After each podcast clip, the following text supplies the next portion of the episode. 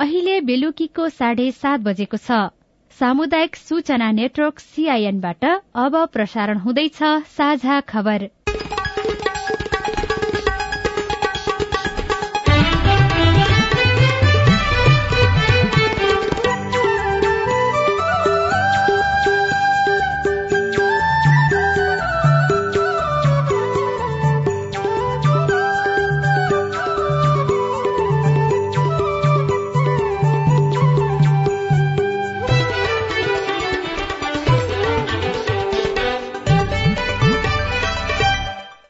सीआईएनको साझा खबरबाट दीपक आचार्यको नमस्कार। साझा खबर देशभरिका सामुदायिक रेडियो सीआईएन खबर डट कम र मोबाइल एप सीआईएनमा पनि सुन्न सकिन्छ।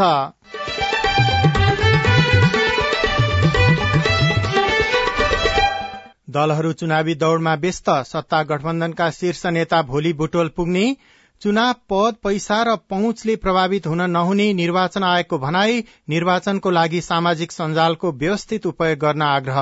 विचार र सिद्धान्तबाट निर्देशित हुनुपर्छ भन्ने मान्यता स्थापित गरौं। निर्वाचनको स्वच्छताको लागि सामाजिक सञ्जालको व्यवस्थित उपयोग गरौं।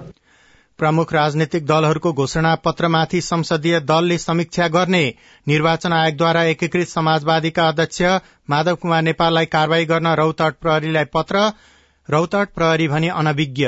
त्यही त खोइ अब यहाँ बाहिर बाहिर देखिरहेको मैले त आधिकारिक त छैन त। अहिलेसम्म पाएको छैन नआइकन त के गर्न सकिन्छ कर्णाली राजमार्ग बन्द भएपछि जुम्ला बजारमा खाद्यवस्तुको मूल्य वृद्धि डेंगी संक्रमण दर बढ़दै गएको भन्दै स्वास्थ्य मन्त्रालयद्वारा सावधानी अप्नाउन अपील राष्ट्रिय विपद प्राधिकरणले कर्णाली प्रदेशमा बाढ़ी पहिरोबाट भएको क्षतिको अध्ययन गर्ने। कर्णालीका विभिन्न जिल्लाहरूमा जानुभएको छ। त्यहाँबाट प्राप्त भएको अध्ययन रिपोर्टको आधारमा चाहिँ आगामी दिनका कार्यहरू अगाडि बढ्नेछन्। र नौ राष्ट्रिय खेलकुद प्रतियोगिता सम्पन्न विभागीय टोलीकै वर्चस्व दशौं राष्ट्रिय खेलकुद प्रतियोगिता कर्णालीमा हुने।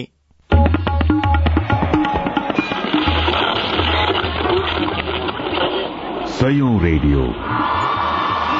हजारौं रेडियो कर्मी र करोड़ौं नेपालीको माझमा यो हो सामुदायिक सूचना नेटवर्क सीआईएन स्थानीय सरकार संचालन ऐन दुई हजार चौहत्तर अनुसार स्थानीय बजार व्यवस्थापन आपूर्ति तथा अनुगमनको जिम्मेवारी स्थानीय तहलाई दिइएको छ। उपभोक्ता संरक्षण ऐन दुई हजार पचहत्तरले पनि उपभोक्ता अधिकार विपरीतका कार्य गरे अपराधको कसुर हेरेर दुई वर्षदेखि पाँच वर्षसम्म कैद र छ लाख रूपियाँसम्म जरिवाना हुने व्यवस्था गरेको छ। तर कार्यवाही प्रक्रिया प्रभावकारी नभन्दा गुणस्तरहीन वस्तुहरू र सेवाको अधिकार नागरिकहरूले पाएका छैनन्। यसमा स्थानीय सरकार नै बढ़ी जिम्मेवार बन्नुपर्छ। निर्वाचनको मिति नजिकै जाँदा दलका नेताहरूले चुनावी प्रचार प्रसारलाई तीव्रता दिएका छन्। यही क्रममा सत्ता गठबन्धनका शीर्ष नेताहरू भोलि बुटवल पुग्ने भएका छन्। प्रमुख निर्वाचन आयुक्त दिनेश कुमार थपलियाले पद पैसा र पहुँचले निर्वाचन प्रभावित हुन नहुने बताउनु भएको छ। फेसबुकको मातृ कम्पनी मेटाले आयोजना गरेको तालिममा उहाँले निर्वाचन पद पैसा र पहुँचले प्रभावित हुन नहुने भन्दै निष्ठा विचार र सिद्धान्तबाट निर्देशित हुनुपर्नेमा जोड़ दिनुभयो। उहाँले स्वच्छ निर्वाचनका लागि सामाजिक सञ्जालको व्यवस्थित उपयोग गर्नुपर्ने भन्दै यी विषय निर्वाचनको निष्ठासँग जोडिएको बताउनुभयो। जनताप्रति उत्तरदायी सदाचारयुक्त शासन प्रणाली हाम्रो अविष्ट हो। शान्ति स्थिरता सुशासन र समृद्धि हाम्रो गन्तव्य हो। यो गन्तव्यमा पुग्ने पहिलो पाइला निर्वाचनबाट प्रारम्भ हुन्छ भन्ने हाम्रो बुझाइ छ। यदि पहिलो पाइला नै धर्मरायो भने यदि पहिलो पाइला नै दूषित र दिग्भ्रमित भयो भने शासन र समृद्धिको यात्रा सहज हुन सक्दैन हामी गन्तव्यमा पुग्न सक्दैनौ। त्यसैले निर्वाचन पद पैसा र पहुँचले प्रभावित हुन हुँदैन निष्ठा विचार र सिद्धान्तबाट निर्देशित हुनुपर्छ भन्ने मान्यता स्थापित गरौं। निर्वाचनको स्वच्छताको लागि सामाजिक सञ्जालको व्यवस्थित उपयोग गरौं। नेपालको सन्दर्भमा सामाजिक सञ्जालको प्रयोग सम्बन्धी नीतिगत व्यवस्था गर्ने आयोग नै पहिलो सार्वजनिक निकाय भएको भन्दै उहाँले निर्वाचनको समयमा राजनीतिक दल उम्मेद्वार र आम मतदाताले सामाजिक सञ्जालको भरपूर उपयोग गर्न पाउनुपर्ने बताउनुभयो। निर्वाचन आयोगले नेकपा एकीकृत समाजवादीका अध्यक्ष माधव कुमार नेपाललाई कार्यवाही गर्न रौतहट प्रहरीलाई पत्र लेखेको छ। नेता नेपालले रौतहट क्षेत्र नम्बर एकमा आयोजित कार्यक्रममा आफूले चुनाव जिते युवालाई रोजगारीका लागि निशुल्क विदेश पठाइदिने आश्वासन दिएकाले आवश्यक कार्यवाही प्रक्रिया अगाडि बढ़ाउन जिल्ला प्रहरी कार्यालय रौतहटलाई आयोगले पत्र लेखेको हो। तर जिल्ला प्रहरी कार्यालय रौतहटका प्रहरी प्रवक्ता प्रहरी नायब उपरीक्षक सुनिल मल्लले भने यसबारेमा अहिलेसम्म कुनै पत्र नआएको सीआईएनसँग बताउनुभयो। त्यही त खोइ अब यहाँ बाहिर बाहिर देखिरहेको मैले त आधिकारिक त छैन त। अहिलेसम्म पाएको छैन हाम्रो। छैन। नआइकन त के गर्न सकिन्छ र के हो त्यसको परिचय के हो? पहिलो अनुभव हो? होइन प्र्याक्टिसमा पहिलो प्र्याक्टिस हो। नयाँसम्म थाहा हुँदैन। नेता नेपालले युवालाई विदेश पठाउने भनी सार्वजनिक रूपमा प्रलोभन देखाउने कार्य गरेकाले सम्बन्धमा निर्वाचन कसुर तथा सजाय ऐन दुई हजार त्रिहत्तरको दफा उनाचालिस बमोजिम आवश्यक कार्यवाही गर्न अनुरोध गरेको आयोगले जनाएको छ। यही असोजको तेस्रो र अन्तिम साता कर्णालीका विभिन्न जिल्लामा आएको बाढ़ी पहिरोले पुर्याएको क्षतिको बारेमा अध्ययन शुरू भएको छ। अध्ययनका लागि पुगेको टोलीले आजबाट काम शुरू गरेको राष्ट्रिय विपद व्यवस्थापन प्राधिकरणले जानकारी दिएको छ। कर्णालीका हुम्ला जुम्ला मुगु र कालीकोट जिल्लामा भएको क्षतिको प्रारम्भिक अध्ययनका लागि वरिष्ठ इन्जिनियरको नेतृत्वमा चारवटा टोली परिचालन गरिएको प्राधिकरणका प्रवक्ता डाक्टर डिजन भट्टराईले सीआईएनसँग बताउनुभयो। वस्तुगत अवस्थाको बारेमा विश्लेषण गर्ने हेर्ने र पुनर्निर्माण र पुनस्थापना कामहरू अगाडि बढाउन निम्ति चाहिँ विभिन्न इन्जिनियर लगायतका प्राविधिक टोलीहरू पनि कर्णालीका विभिन्न जिल्लाहरूमा जानुभएको छ। त्यहाँबाट प्राप्त भएको अध्ययन रिपोर्टको आधारमा चाहिँ आगामी दिनका कार्यहरू अगाडि बढ्नेछन्। कोहीले अध्ययन गर्छ र अध्ययनको प्रतिवेदन चाहिँ प्राधिकरण समक्ष बुझाउँछ। र प्राधिकरणले चाहिँ त्यो अध्ययनको प्रतिवेदन हेरेर त्यहाँ थप गर्नुपर्ने के के कुरा हुन सक्छ त्यो अनुसार काम अगाडि बढाउँछ। सबै टोलीले आफू खटिएको जिल्ला विपद व्यवस्थापन समितिसँग छलफल गरी क्षति भएको जिल्लाका सबै पालिकाका निजी घर टहरा सरकारी तथा गैर सरकारी निकायका भौतिक संरचनाको क्षति अनुमान सहित अध्ययन गर्नेछन्। टोलीले स्थानीय तहका जनप्रतिनिधि र त्यहाँ कार्यरत प्राविधिकहरूसँग समन्वय गरेर समस्या समाधानका लागि तत्कालीन र दीर्घकालीन सुझाव सहितको प्रतिवेदन प्राधिकरणलाई बुझाउनेछन्। गत असोज अठाइस गते बसेको मन्त्री परिषदको बैठकले कर्णाली प्रदेशका यी चार जिल्लाका प्रभावित स्थानीय तहको भौगोलिक क्षेत्रलाई विपद संकटग्रस्त क्षेत्र घोषणा गरेको थियो। मनसूनजन्य विपद प्रभावित निजी आवास पुननिर्माण तथा पुनस्थापना अनुदान कार्यविधि दुई हजार सतहत्तर अनुसार बाढ़ी पहिरोबाट पूर्ण रूपमा आवास क्षति भएका प्रभावितले हिमाली जिल्लामा पाँच लाख पहाड़ी जिल्लामा चार लाख र तराईका जिल्लाका हकमा तीन लाख रूपियाँसम्म राहत पाउँछन्। बाढ़ी पहिरोका कारण प्रभावित कर्णाली प्रदेशको यातायात तथा हवाई सेवालाई सहज बनाउन राष्ट्रिय मानवाधिकार आयोगले सरकारसँग आग्रह गरेको छ। आयोगले आज एक विज्ञप्ति निकाल्दै बाढ़ी पहिरोका कारण कर्णाली राजमार्ग एक्काइस असोजदेखि अवरूद्ध हुनुका साथै जुम्ला मुगु हुम्ला र डोल्पामा केही दिनदेखि हवाई सेवा समेत प्रभावित भएको प्रति गम्भीर ध्यानकर्षण भएको जनाएको छ। यसैबीच कर्णाली राजमार्ग बन्द भएपछि जुम्ला बजारमा खाद्य वस्तुमा अत्यधिक मूल्यवृद्धि भएको उपभोक्ताले गुनासो गरेका छन्। छन्। व्यवसायीले राजमार्ग बन्द भएकाले महँगोमा सामान ल्याउँदा मूल्य बढ़ेको बताएका छन् तर स्थानीयले भने राजमार्ग बन्द भएकाले नयाँ सामान जिल्लामा नआए पनि मूल्य बढ़ने बढ़ाएको आरोप लगाएका छन्। रेडियो गुटीचौर जुम्लाले खबर पठाएको छ। नेपालमा डेंगी संक्रमणका कारण थप दुईजनाको मृत्यु भएको छ। गत चौविस घण्टामा गरिएको परीक्षणमा सात सय एकसठी जनामा डेंगी संक्रमण पुष्टि भएको तथा दुईजनाको मृत्यु भएको स्वास्थ्य तथा जनसंख्या मन्त्रालयले जनाएको छ। यो सँगै देशभर बयालिस हजार पाँच सय चार जनामा डेंगी पुष्टि हुँदा एकाउन्न जनाको भने मृत्यु भएको छ। यो वर्ष गत साउन महिनामा पहिलो पटक देखिएको डेंगी संक्रमण दर बढ़दै गएको भन्दै मन्त्रालयले सावधानी अपनाउन पनि अपील गरेको छ। यस्तै थप त्रिपन्न जनामा कोरोना भाइरसको संक्रमण पुष्टि भएको छ। गत चौविस घण्टामा एक हजार पाँच सय एकहत्तर जनाको नमूना परीक्षण गर्दा त्रिपन्न जनामा संक्रमण पुष्टि भएको स्वास्थ्य तथा जनसंख्या मन्त्रालयले जनाएको छ। मन्त्रालयका अनुसार एकाउन्न जना भने संक्रमण मुक्त भएका छन्। यो सँगै देशभर कोरोनाको सक्रिय संक्रमितको संख्या सात सय सत्ताइस रहेको छ। साझा खबरमा अब विदेशको खबर। बेलायती प्रधानमन्त्री लिज ट्रसले राजीनामा दिनुभएको छ। राजनीतिक र आर्थिक संकट बढ़दै जाँदा उहाँले आज राजीनामा दिनुभएको हो। उहाँ पैंतालिस दिन अघि मात्र प्रधानमन्त्रीमा नियुक्त हुनुभएको थियो।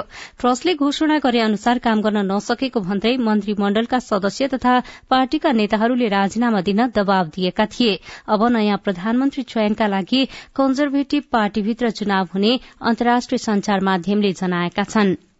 र खेल खबरमा गण्डकी प्रदेशका छ जिल्लामा छ दिनसम्म सञ्चालन भएको नवौं राष्ट्रिय खेलकुद प्रतियोगिता सम्पन्न भएको छ। घरेलु खेलकुदको सबैभन्दा ठूलो प्रतियोगितामा सातवटा प्रदेश नेपाली सेना सशस्त्र प्रहरी नेपाल प्रहरी र गैर आवासीय नेपाली संघ गरी एघार टोलीका छ हजार भन्दा धेरै खेलाड़ीले प्रतिस्पर्धा गरेका थिए। प्रतियोगितामा नेपाली सेनाले सबैभन्दा धेरै तीन सय एकहत्तर पदक जित्यो। सेनाले एक सय बहत्तर स्वर्ण एक सय दश रजत र उनानब्बे काश्य सहित तीन सय एकहत्तर पदक हात पारेको हो।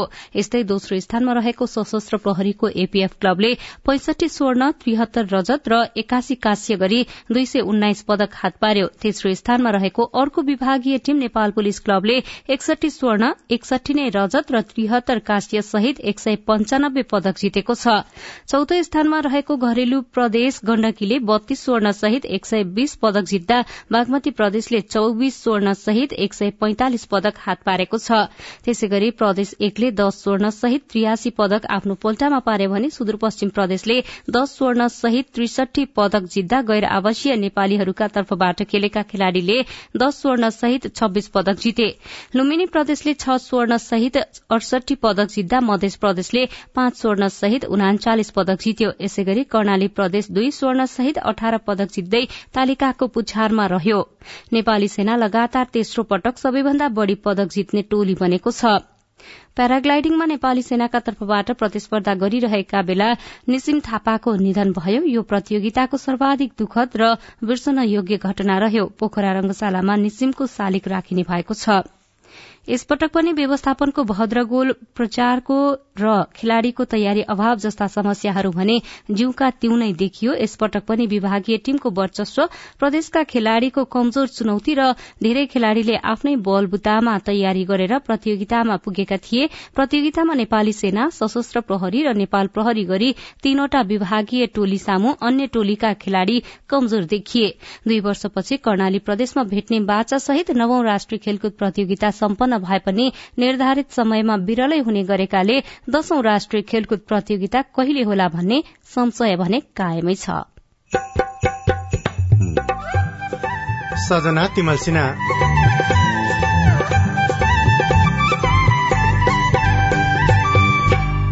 फूल खेती गरेका किसानलाई फूल टिपेर माला गाँच्न भ्याइ नभ्याई डेढ लाख रुपियाँ लगानी लाग्छ होइन? त्यो डेढ लाख लगानीबाट हामीले झन्डै हजुरको दस लाखदेखि बाह्र लाखसम्म कमाउने हाम्रो अनुमानित हामीले गरेको इस्टिमेटमा त त्यो निस्किया छ अहिलेसम्म। फूलको माला राम आमदानीको राम्रो माध्यम रिपोर्टसँगै प्रमुख राजनैतिक दलको घोषणा पत्रमाथि संसदीय दलले समीक्षा गर्ने विशेष श्रृंखला हेलो सांसद लगायतका सामग्री बाँकी नै छन्। सीआईएनको साझा खबर सुन्दै गर्नुहोला।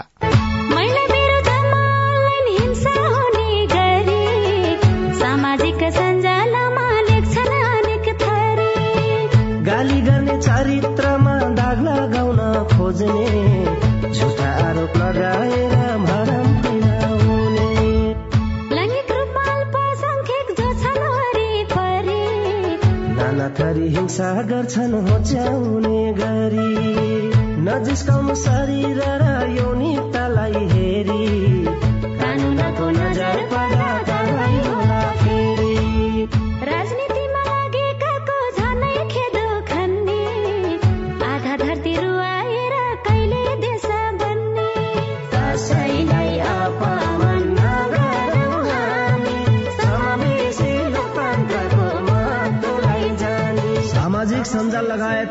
अनलाइनमा हुने मिथ्या समाचार दुष्प्रचार र घृणा जन्ने अभिव्यक्ति कानूनी रूपमा दण्डनीय छ। अनलाइन हिंसा नगरौं र नसहौं। युएसएआईडी र एनडिआई नेपालको आर्थिक तथा प्राविधिक सहयोगमा पर्पल फाउन्डेशनको चेतनामूलक सन्देश। सामाजिक रूपान्तरणका लागि यो हो सामुदायिक सूचना नेटवर्क सीआईएन तपाई सामुदायिक सूचना नेटवर्क सीआईएनले काठमाण्डुमा तयार पारेको साझा खबर सुन्दै हुनुहुन्छ। अब बाँकी खबर। ललितपुरको जावलाखेल मैदानमा आजदेखि गोदावरी पुष्प मेला शुरू भएको छ। रोपेर फूल गोदावरी सजाउ घर आँगन वरिपरि भन्ने अभियानका साथ शुरू भएको पुष्प मेला कार्तिक छ गतेसम्म सञ्चालन हुनेछ। फूल खेती गरेका दाङका किसानलाई भने यति बेला फूल टिपेर माला गाँच्न भ्याइ नभ्याई भएको छ। तिहारका लागि तयार पार्नुपर्ने भएकाले किसानलाई यति बेला फूल टिप्ने माला गाँच्ने र बजार बजारसम्म पुर्याउने धपेडी बढ़ेको छ। घोराई उपमहानगरपालिका तेह्रका इन्द्रा बुढा मगरले तिहारका लागि फूलको माला गाँच्न शुरू गरिसक्नुभयो। माला तयार पारेर कोल्ड स्टोरमा राख्ने र केही दिनपछि बजारमा पुर्याउने उहाँको तयारी छ। उहाँ छ वर्षदेखि व्यावसायिक फूल खेती गर्दै आउनु भएको छ। सुख दुःख राम्रो नराम्रो हरेक काममा चाहिने भएको भएर सम्भावना राम्रो छ। बजारीकरण नि पहिला भन्दा सुधार भएको छ। आउँदा दिनहरूमा सरकारले अलिकति ध्यान दिने भने खादा प्लास्टिकको मालाहरूलाई निश्चित गर्ने भने राम्रो सम्भावना छन् सयदेखि तिन सयसम्म फुल फेरि होलसेलमा चार सय रुपियाँ केजी फुटकरमा पाँच सय रुपियाँ केजी। घोराही उपमहानगरपालिका चौध सिंगुरामा लोकेन्द्र रोका मगर अहिले सयपत्री फूल टिपेर माला उन्न व्यस्त हुनुहुन्छ। सात वर्ष कतारमा बिताएका रोकाले नेपाल फर्केर फूल खेती थाल्नु भएको हो। फूल खेतीबाटै कतारको जति आमदानी गर्न सक्ने देखेपछि उहाँले व्यावसायिक फूल खेती थाल्नु भएको हो। तिहारको लागि त माग ठुलै हुन्छ। यहाँको जिल्लालाई नै अब फूल पुर्याउनु पर्छ भन्ने एउटा यहाँ बेचेपछि अलिकति पाउने भएको हुनाले यही जिल्लामै बेच्ने विचार छ। दाङमा वार्षिक पचास लाख बढी रुपियाँको फूलको कारोबार हुने गरेको छ। फूल खेतीबाट रोजगारी र राम्रो कमाई हुने देखेपछि नगर युवा सञ्जाल तुलसीपुरमा आबद्ध युवाले पनि फूल खेती गर्दै आएका छन्। तुलसीपुर एकको भमके तथा तुलसीपुर आठको अस्वारा र दुधिना कृष्ण मन्दिर नजिक गरी नौ कट्ठा भन्दा बढी जग्गामा फूल खेती गरिएको नगर युवा सञ्जाल तुलसीपुरका अध्यक्ष गणेश भण्डारी बताउनुहुन्छ। लाख रुपियाँ लगानी लाग्छ होइन? त्यो डेढ लाख लगानीबाट हामीले झन्डै हजुरको दस लाखदेखि बाह्र लाखसम्म कमाउने हाम्रो अनुमानित हामीले गरेको इस्टिमेटमा चाहिँ त्यो निस्किया छ अहिलेसम्म। अब म आफै नै कृषि पढिरहेको विद्यार्थी हो। हामीले व्यक्तिगत रूपमा चाहिँ पैसा उठाएर हामीले चाहिँ तिन रुपियाँ रूपमा तिन रुपियाँले ब्याजमा हामीले पैसा लिएर हामीले व्यवसाय गरेको। जिल्लामा फूल खेती बढेसँगै फूल र मालाका लागि भारतसँग निर्भर हुनुपर्ने अवस्था अन्त्य भएको छ। यसले फूलका लागि विदेशी नै रकम जिल्लामै रोकिएको मात्रै छैन रोजगारी र आमदानी पनि बढेको छ। सुशीला ओली सीआईएन रेडियो मध्य पश्चिम नेपाल पर्यटन बोर्डले नेपालबाट विदेश उड्ने विदेशी नागरिक तथा पर्यटकबाट उठाउँदै आएको सेवा शुल्क खारेज गर्ने भएको छ। नेपाल नागरिक उड्डयन प्राधिकरणले नेपालबाट विदेश उड्दा पर्यटकको टिकटमा जोडिने सेवा शुल्क हटाउन इन्टरनेशनल एयरलाइन्स ट्रान्सपोर्टेशन एसोसिएशन आइटालाई पत्राचार गरिसकेको छ। नेपाल नागरिक उड्डयन प्राधिकरणका प्रवक्ता जगन्नाथ निरौलाका अनुसार पर्यटन सेवा शुल्कको कोड हटेपछि हवाई टिकटमा सेवा शुल्क उठाउन पाइने छैन। त्यसपछि नेपाल पर्यटन बोर्डको आमदानीको मुख्य स्रोत बन्द हुने भएको छ। खबरमा अब हेलो सीआईएन स्नेहा कर्णबाट। नमस्कार म हिम गाउँपालिका चार जुम्लाबाट।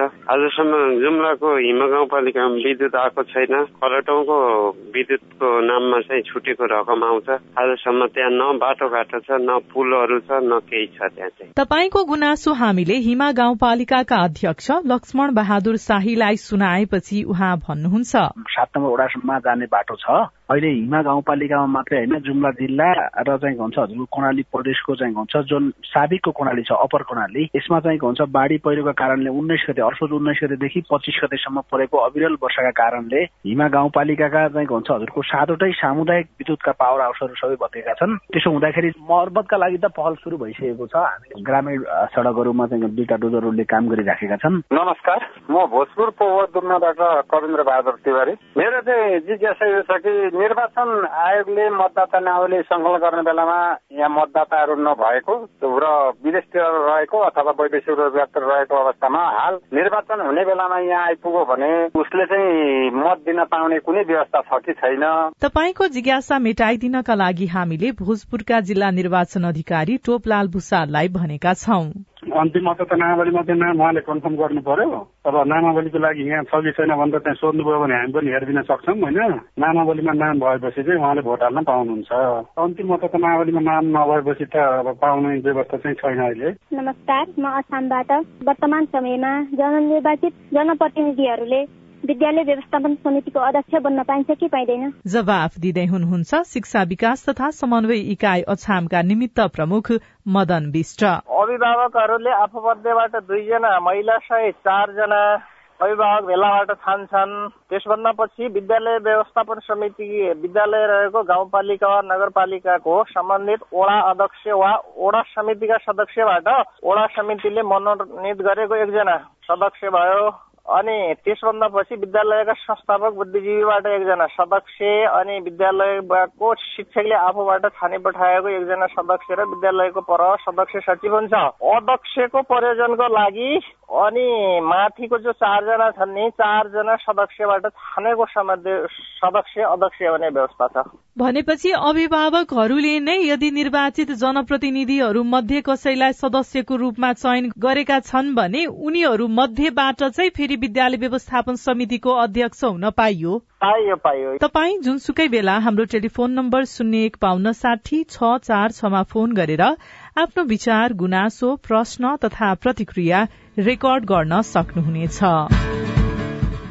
तपाई सामुदायिक सूचना नेटवर्क सीआईएनले काठमाण्डुमा तयार पारेको साझा खबर सुन्दै हुनुहुन्छ। साझा खबर मोबाइल एप नेपाली पात्रोबाट पनि सुनिरहनु भएको छ। प्रमुख राजनैतिक दलको घोषणा पत्रमाथि संसदीय दलले समीक्षा गर्ने। यो समितिहरूले पनि सर सरकारवालाहरूले पनि पार्टी घोषणा पत्र प्रकाशित हुने बित्तिकै पनि समीक्षा गर्न जरुरी छ हामी गर्छौँ। यस्ता कुराहरू हामी हाम्रो कार्ययोजनामा छ कुराहरू। विशेष श्रृंखला हेलो सांसद बाँकी नै छ सीआईएनको साझा खबर सुन्दै गर्नुहोला। रोमा दिदी फेरि चुनाव लागे जस्तो छ नि कताको यात्रा हो? तल चौतारीमा आज सबै पार्टीका अध्यक्षहरू आउने रे। महिलालाई टिकट देऊ भनेर दबाब दिन हिँडेको। भनेपछि महिला उम्मेद्वारको पक्षमा महिलाको र्याली अनि दिदी महिलालाई उम्मेद्वार बनाउन तयार हुन्छन् त पार्टी र पुरुष नेताहरू? संविधानले तेत्तीस प्रतिशत महिला सहभागिता गराउनु पर्ने भनेको छ। त्यसैले अब महिला उम्मेद्वारलाई मतदान गरी जिताउनु पर्छ क्या? अनि महिला नै किन? पहिलो त जनसंख्याको आधारमा हाम्रो प्रतिनिधित्व हुने कुरा लोकतन्त्रको आधार हो र हाम्रो अधिकार पनि। अर्को महिलाले जितेमा महिला र अन्य पछाडि पारिएका समुदायको मुद्दा सम्बोधन नीतिगत व्यवस्था र कार्यान्वयन प्रभावकारी हुन्छ। सुन्या होला नि जसको सवाल उसकै नेतृत्व। अनि सुन्नु त महिला उम्मेद्वार उठेपछि उनीहरूका घोषणा पत्रमा महिलाका लागि के के विषय राख्ने भन्ने बारे पनि यस्तै खबरदारी गर्नुपर्छ। घोषणा पत्रले महिलाको सवाल समेट्न सक्यो भने पो हाम्रा मुद्दा अगाडि आउँछन्। नेताहरू उत्तरदायी हुन्थे र हामी महिलाहरूलाई पनि भोट दिम दिम लाग्छ नि। महिला उम्मेद्वार उठेपछि महिलाका लागि के के कुरा चाहिन्छ भन्ने बारे त फेरि हामीले नै सुझाव दिने हो क्या? आगामी मंगिर चारको प्रतिनिधि र प्रदेश सभा निर्वाचनका लागि संविधानको व्यवस्था अनुसार महिला उम्मेद्वारलाई मतदान गरौं। महिला पुनस्थापना केन्द्र ओरेक नेम्स केयर नेपाल र सामुदायिक सूचना नेटवर्क सीआईएन तपाईँले सीआईएनको साझा खबरका मुख्य शीर्षकहरू नेपाल टेलिकमको सिम भएको मोबाइल नम्बरबाट पटक पटक जुनसुकै बेला निशुल्क सुन्न सक्नुहुन्छ। तीन दुई एक शून्य शून्य डायल गर्नुहोस् र दैनिक समाचार स्वास्थ्य कोविड उन्नाइस कृषि मौसम प्रकोप र अधिकारका बारेमा पनि निशुल्क सुन्नुहोस्। तीन दुई एक शून्य शून्य सूचनाको संचार सामाजिक रूपान्तरणका लागि यो हो सामुदायिक सूचना नेटवर्क सीआईएन तपाई सामुदायिक सूचना नेटवर्क सीआईएनले काठमाण्डुमा तयार पारेको साझा खबर सुन्दै हुनुहुन्छ।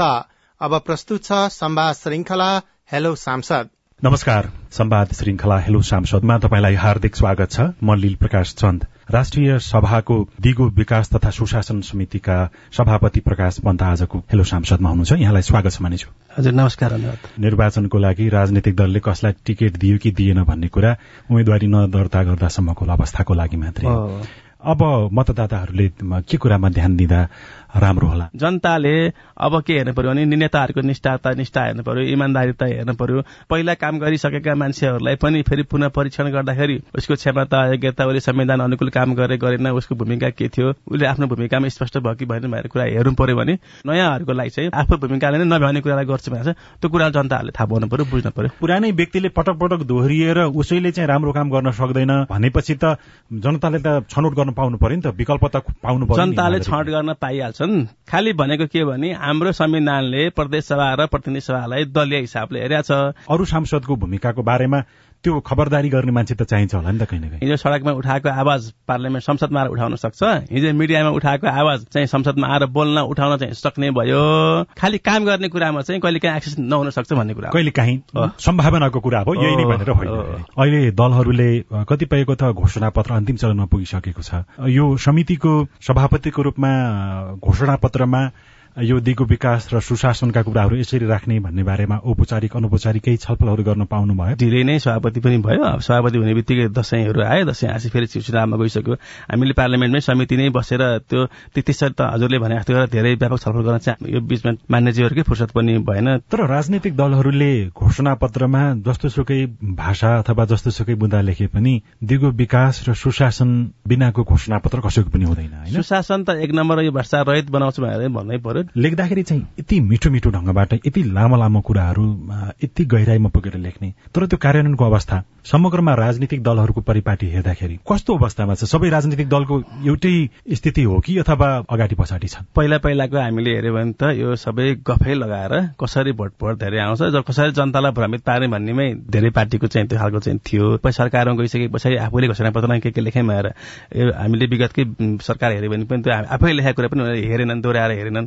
अहिलेको अब अहिले पूरा गरेन भनेर पनि आइरहेको छ। अहिले अहिले वर्तमान सरकारले त आफूले बनाएको घोषणा पत्र लागू गर्नै पाएन। समितिमा झन्डै झन्डै चौध पन्ध्रजना सांसद होइन सदस्य। पन्ध्रजना ती सबै सदस्यको बीचमा केही छलफल भयो? यो घोषणा पत्र निर्माणको कामभन्दा अगाडि आफ्नो पार्टीमा यसरी हाम्रो तर्फबाट चाहिँ आफ्नो घोषणा पत्रकै हिसाबले चाहिँ हामी छलफल गर्न सकेनौँ। दसैँ लाग्ने बित्तिकै अब साथीहरू अब कुदिहाल्नु भयो त्यस पछाडि अलिकति डेभलपिङ भएको घोषणा पत्रहरूमा त्यही भएर त्यो छलफल पनि सुरु भएको थिएन। अब गर्ने कि अथवा यसपालि यस्तै रह्यो? अब सबै मान्यजीहरू जिल्ला जिल्ला हुनुहुन्छ उहाँलाई मिटिङ काठमाडौँ बोलाएर मिटिङ गर्नै सम्भव आउनुपर्छ र जस्तो टेलिफोनमा बिस मिनटमा सकिन्छ होला नि। भर्चुअली सकिन्छ। त्यो मान्यजीहरू त्यो खालको चाहिँ आफूमा घोषणा पत्रहरूमा के छ हेर्नु होला भनेर त्यहाँ सबै पार्टीका साथीहरू हुनुहुन्छ मान्यजीहरू आफू पार्टीका कम्तीमा हेर्नु होला है। दिगो विकासको दृष्टि ठिक भयो भएन भनेर त्यो सकिन्छ। अनौपचारिक रूपमा भन्नु होला? भन्छौँ भन्छौँ। गर्छौँ त गर्छौँ। के भन्नुहुन्छ होइन दिगो विकासका दृष्टिले पार्टीका घोषणा पत्रहरूले हाम्रो दिगो विकासका कुन कुन लक्ष्यलाई कसरी समाधान गर्छ कुन कुन लक्ष्यलाई यसले चाहिँ सहयोग सपोर्ट गर्छ जबकि भोलि उनीहरू नै आएर सरकार बन्ने भएको हुनाले दिगो विकासको दृष्टिले पनि हाम्रो सत्रवटा लक्ष्यहरूलाई अरू थुप्रै चाहिँ इन्डिकेटर छ तिनीहरूलाई मिट गर्ने गरी चाहिँ घोषणा पत्र बनाऊ। त्यो घोषणा पत्रले यो मिट गर्छ गर्दैन जाँच हेर बुझ भन्न सकिहालिन्छ नि। भन्नुहुन्छ। भन्छ। तपाईँले अहिलेसम्मको अवस्थामा कहिलेकाहीँ यस्तो छलफलमा भाग लिनुभयो कि भएन। राजनैतिक दलहरूले बनाएका घोषणा पत्र कुन राजनैतिक दलले कस्तो लेखेको थियो र दल सरकारमा गएको अवस्थामा कस्तो प्रकारको कार्यान्वयन रह्यो कि रहेन? सरकारले त्यसलाई कहीँ न कहीँ सँगै लिएर गयो कि गएन भन्ने संसदीय समितिमा भए गरेका छलफलहरूमा कहिलेकाहीँ भाग लिनु भएको छैन? म यसभन्दा अगाडि विधान व्यवस्थापन समितिमा थिएँ। अब विधान व्यवस्थापन समितिमा त सफल भएन। तैपनि हामी अनौपचारिक रूपमा अरू अरू फोरमहरूमा चाहिँ अब हामी सबै घोषणापत्रहरू कलेक्सन गर्छौँ अध्ययन गर्छौँ हेर्छौँ। कुन कुन ठिक छ त्यसको समीक्षा गफ चाहिँ गर्छौँ हामी। कुरा गर्दै गर्दाखेरि तपाईँले केही कुराहरू पुरेको जस्तो लाग्यो? यो समितिहरूले पनि अरू सरकारवालाहरूले पनि पार्टी घोषणा पत्र प्रकाशित हुने बित्तिकै पनि समीक्षा गर्न जरुरी छ। र पछाडि चाहिँ होइन त्यो सिद्धान्तको कुरा त जरुरी छ भन्ने हो होइन? कम्तीमा तपाईँको एक डेढ वर्षको समयावधि बाँकी छँदाखेरि त हजुर। छ छ महिनाको समीक्षा गरेर दलहरूलाई बोलाएर तिमीहरू यस्तो लेखेका थियो यो कुरा कतिको ल्यायो कि ल्याएनौ भन्ने कुरा हुनसक्छ अथवा कुन राजनैतिक दलले कति ल्यायो भनेर समीक्षा गर्ने राम्रो थलो त तपाईँकै समितिमा हुन सक्छ हामी गर्छौँ। मैले यो एउटा विषय यो पनि र अर्को विषय चाहिँ निर्वाचनलाई अझै चाहिँ चुस्त दुरुस्त अझै राम्रो अझै कम खर्चिलो भन्ने कुरामा दलहरूलाई अझ जिम्मेवार भन्ने कुरा निर्वाचन आयोगसँग समेत पनि यस्ता कुराहरू हामी हाम्रो कार्ययोजनामा छ कुराहरू। एउटा नेता उम्मेद्वारको रूपमा जाँदाखेरि यो कानून बनाउँछु त्यो कानून बनाउँछु भन्दाखेरि भोट दिँदैनन् नेताहरूले सांसद मात्रै हुने लक्ष्य राखेको उम्मेद्वारले त म राम्रो कानून बनाउँछु मात्रै भन्नु पर्यो म बाटो घाट बिजुली ल्याउँछु तुरन्तै ल्याउँछु भोलि ल्याउँछु यतिमा यति भने त्यो त गफ भइहाल्यो नि। अहिले कतिपय ठाउँमा सुनिन्छ कि नेताहरूले म विदेश पठाइदिन्छु फ्री भिसा फ्री टिकटको व्यवस्था गरिदिन्छु। जबकि त्यो व्यवस्था त मन्त्री परिषदले निर्णय गरेर कार्यान्वयनमा लगिसके भन्छ त। वडाको सदस्यले के गर्ने हो? वडा अध्यक्षले के गर्ने हो? मेयरले के गर्ने हो? प्रदेशका सांसदले के गर्न सक्छ? संघका सांसदहरूले के गर्छन्? मन्त्रीले के गर्छन्? यी सबै जनप्रतिनिधि हो नि त।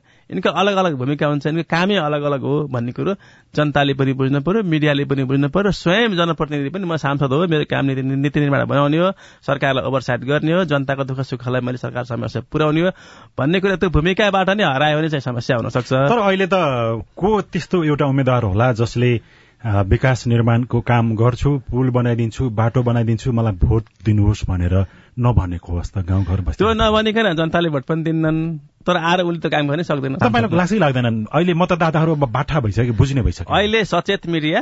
सचेत मतदाता नेताले गएर चाहिँ दस मिनट भाषण गर्यो भने यसले ठिक कुरा बोले बेठिक कुरा बोल्यो भने जनताले थाहा पनि भइसक्यो। जनताहरू भ्रमित भएन भने धेरै कुरा सुल्टो हुन्छ। संवाद श्रृंखला हेलो सांसदको विस्तृत छलफल भोलि बिहान साढे छ बजेको कार्यक्रम हेलो सांसदमा प्रसारण हुनेछ। सुन्ने प्रयास गर्नुहोला। निर्वाचन आयोगका प्रमुख आयुक्त दिनेश कुमार थपलियाले चुनाव पद पैसा र पहुँचले प्रभावित हुन नहुने बताउनु भएको छ। कर्णाली प्रदेशका विभिन्न जिल्लामा बाढ़ी पहिरोले पुर्याएको क्षतिको बारेमा अध्ययन शुरू भएको छ। बाढ़ी पहिरोका कारण प्रभावित कर्णाली प्रदेशको यातायात तथा हवाई सेवालाई सहज बनाउन राष्ट्रिय मानवाधिकार आयोगले सरकारसँग आग्रह गरेको छ। र नौ राष्ट्रिय खेलकुद प्रतियोगिता सम्पन्न गर्दै दशौं राष्ट्रिय खेलकुद प्रतियोगिता कर्णालीमा हुने घोषणा भएको छ। हवस् आजलाई साझा खबरको समय सकियो। प्राविधिक साथी सुरेन्द्र सिंहलाई धन्यवाद। भोलि कार्तिक चार गते बिहान छ बजेको साझा खबरमा फेरि भेटौँला। अहिलेलाई भने म दीपक आचार्य पनि विदा हुन्छु। नमस्कार शुभरात्री।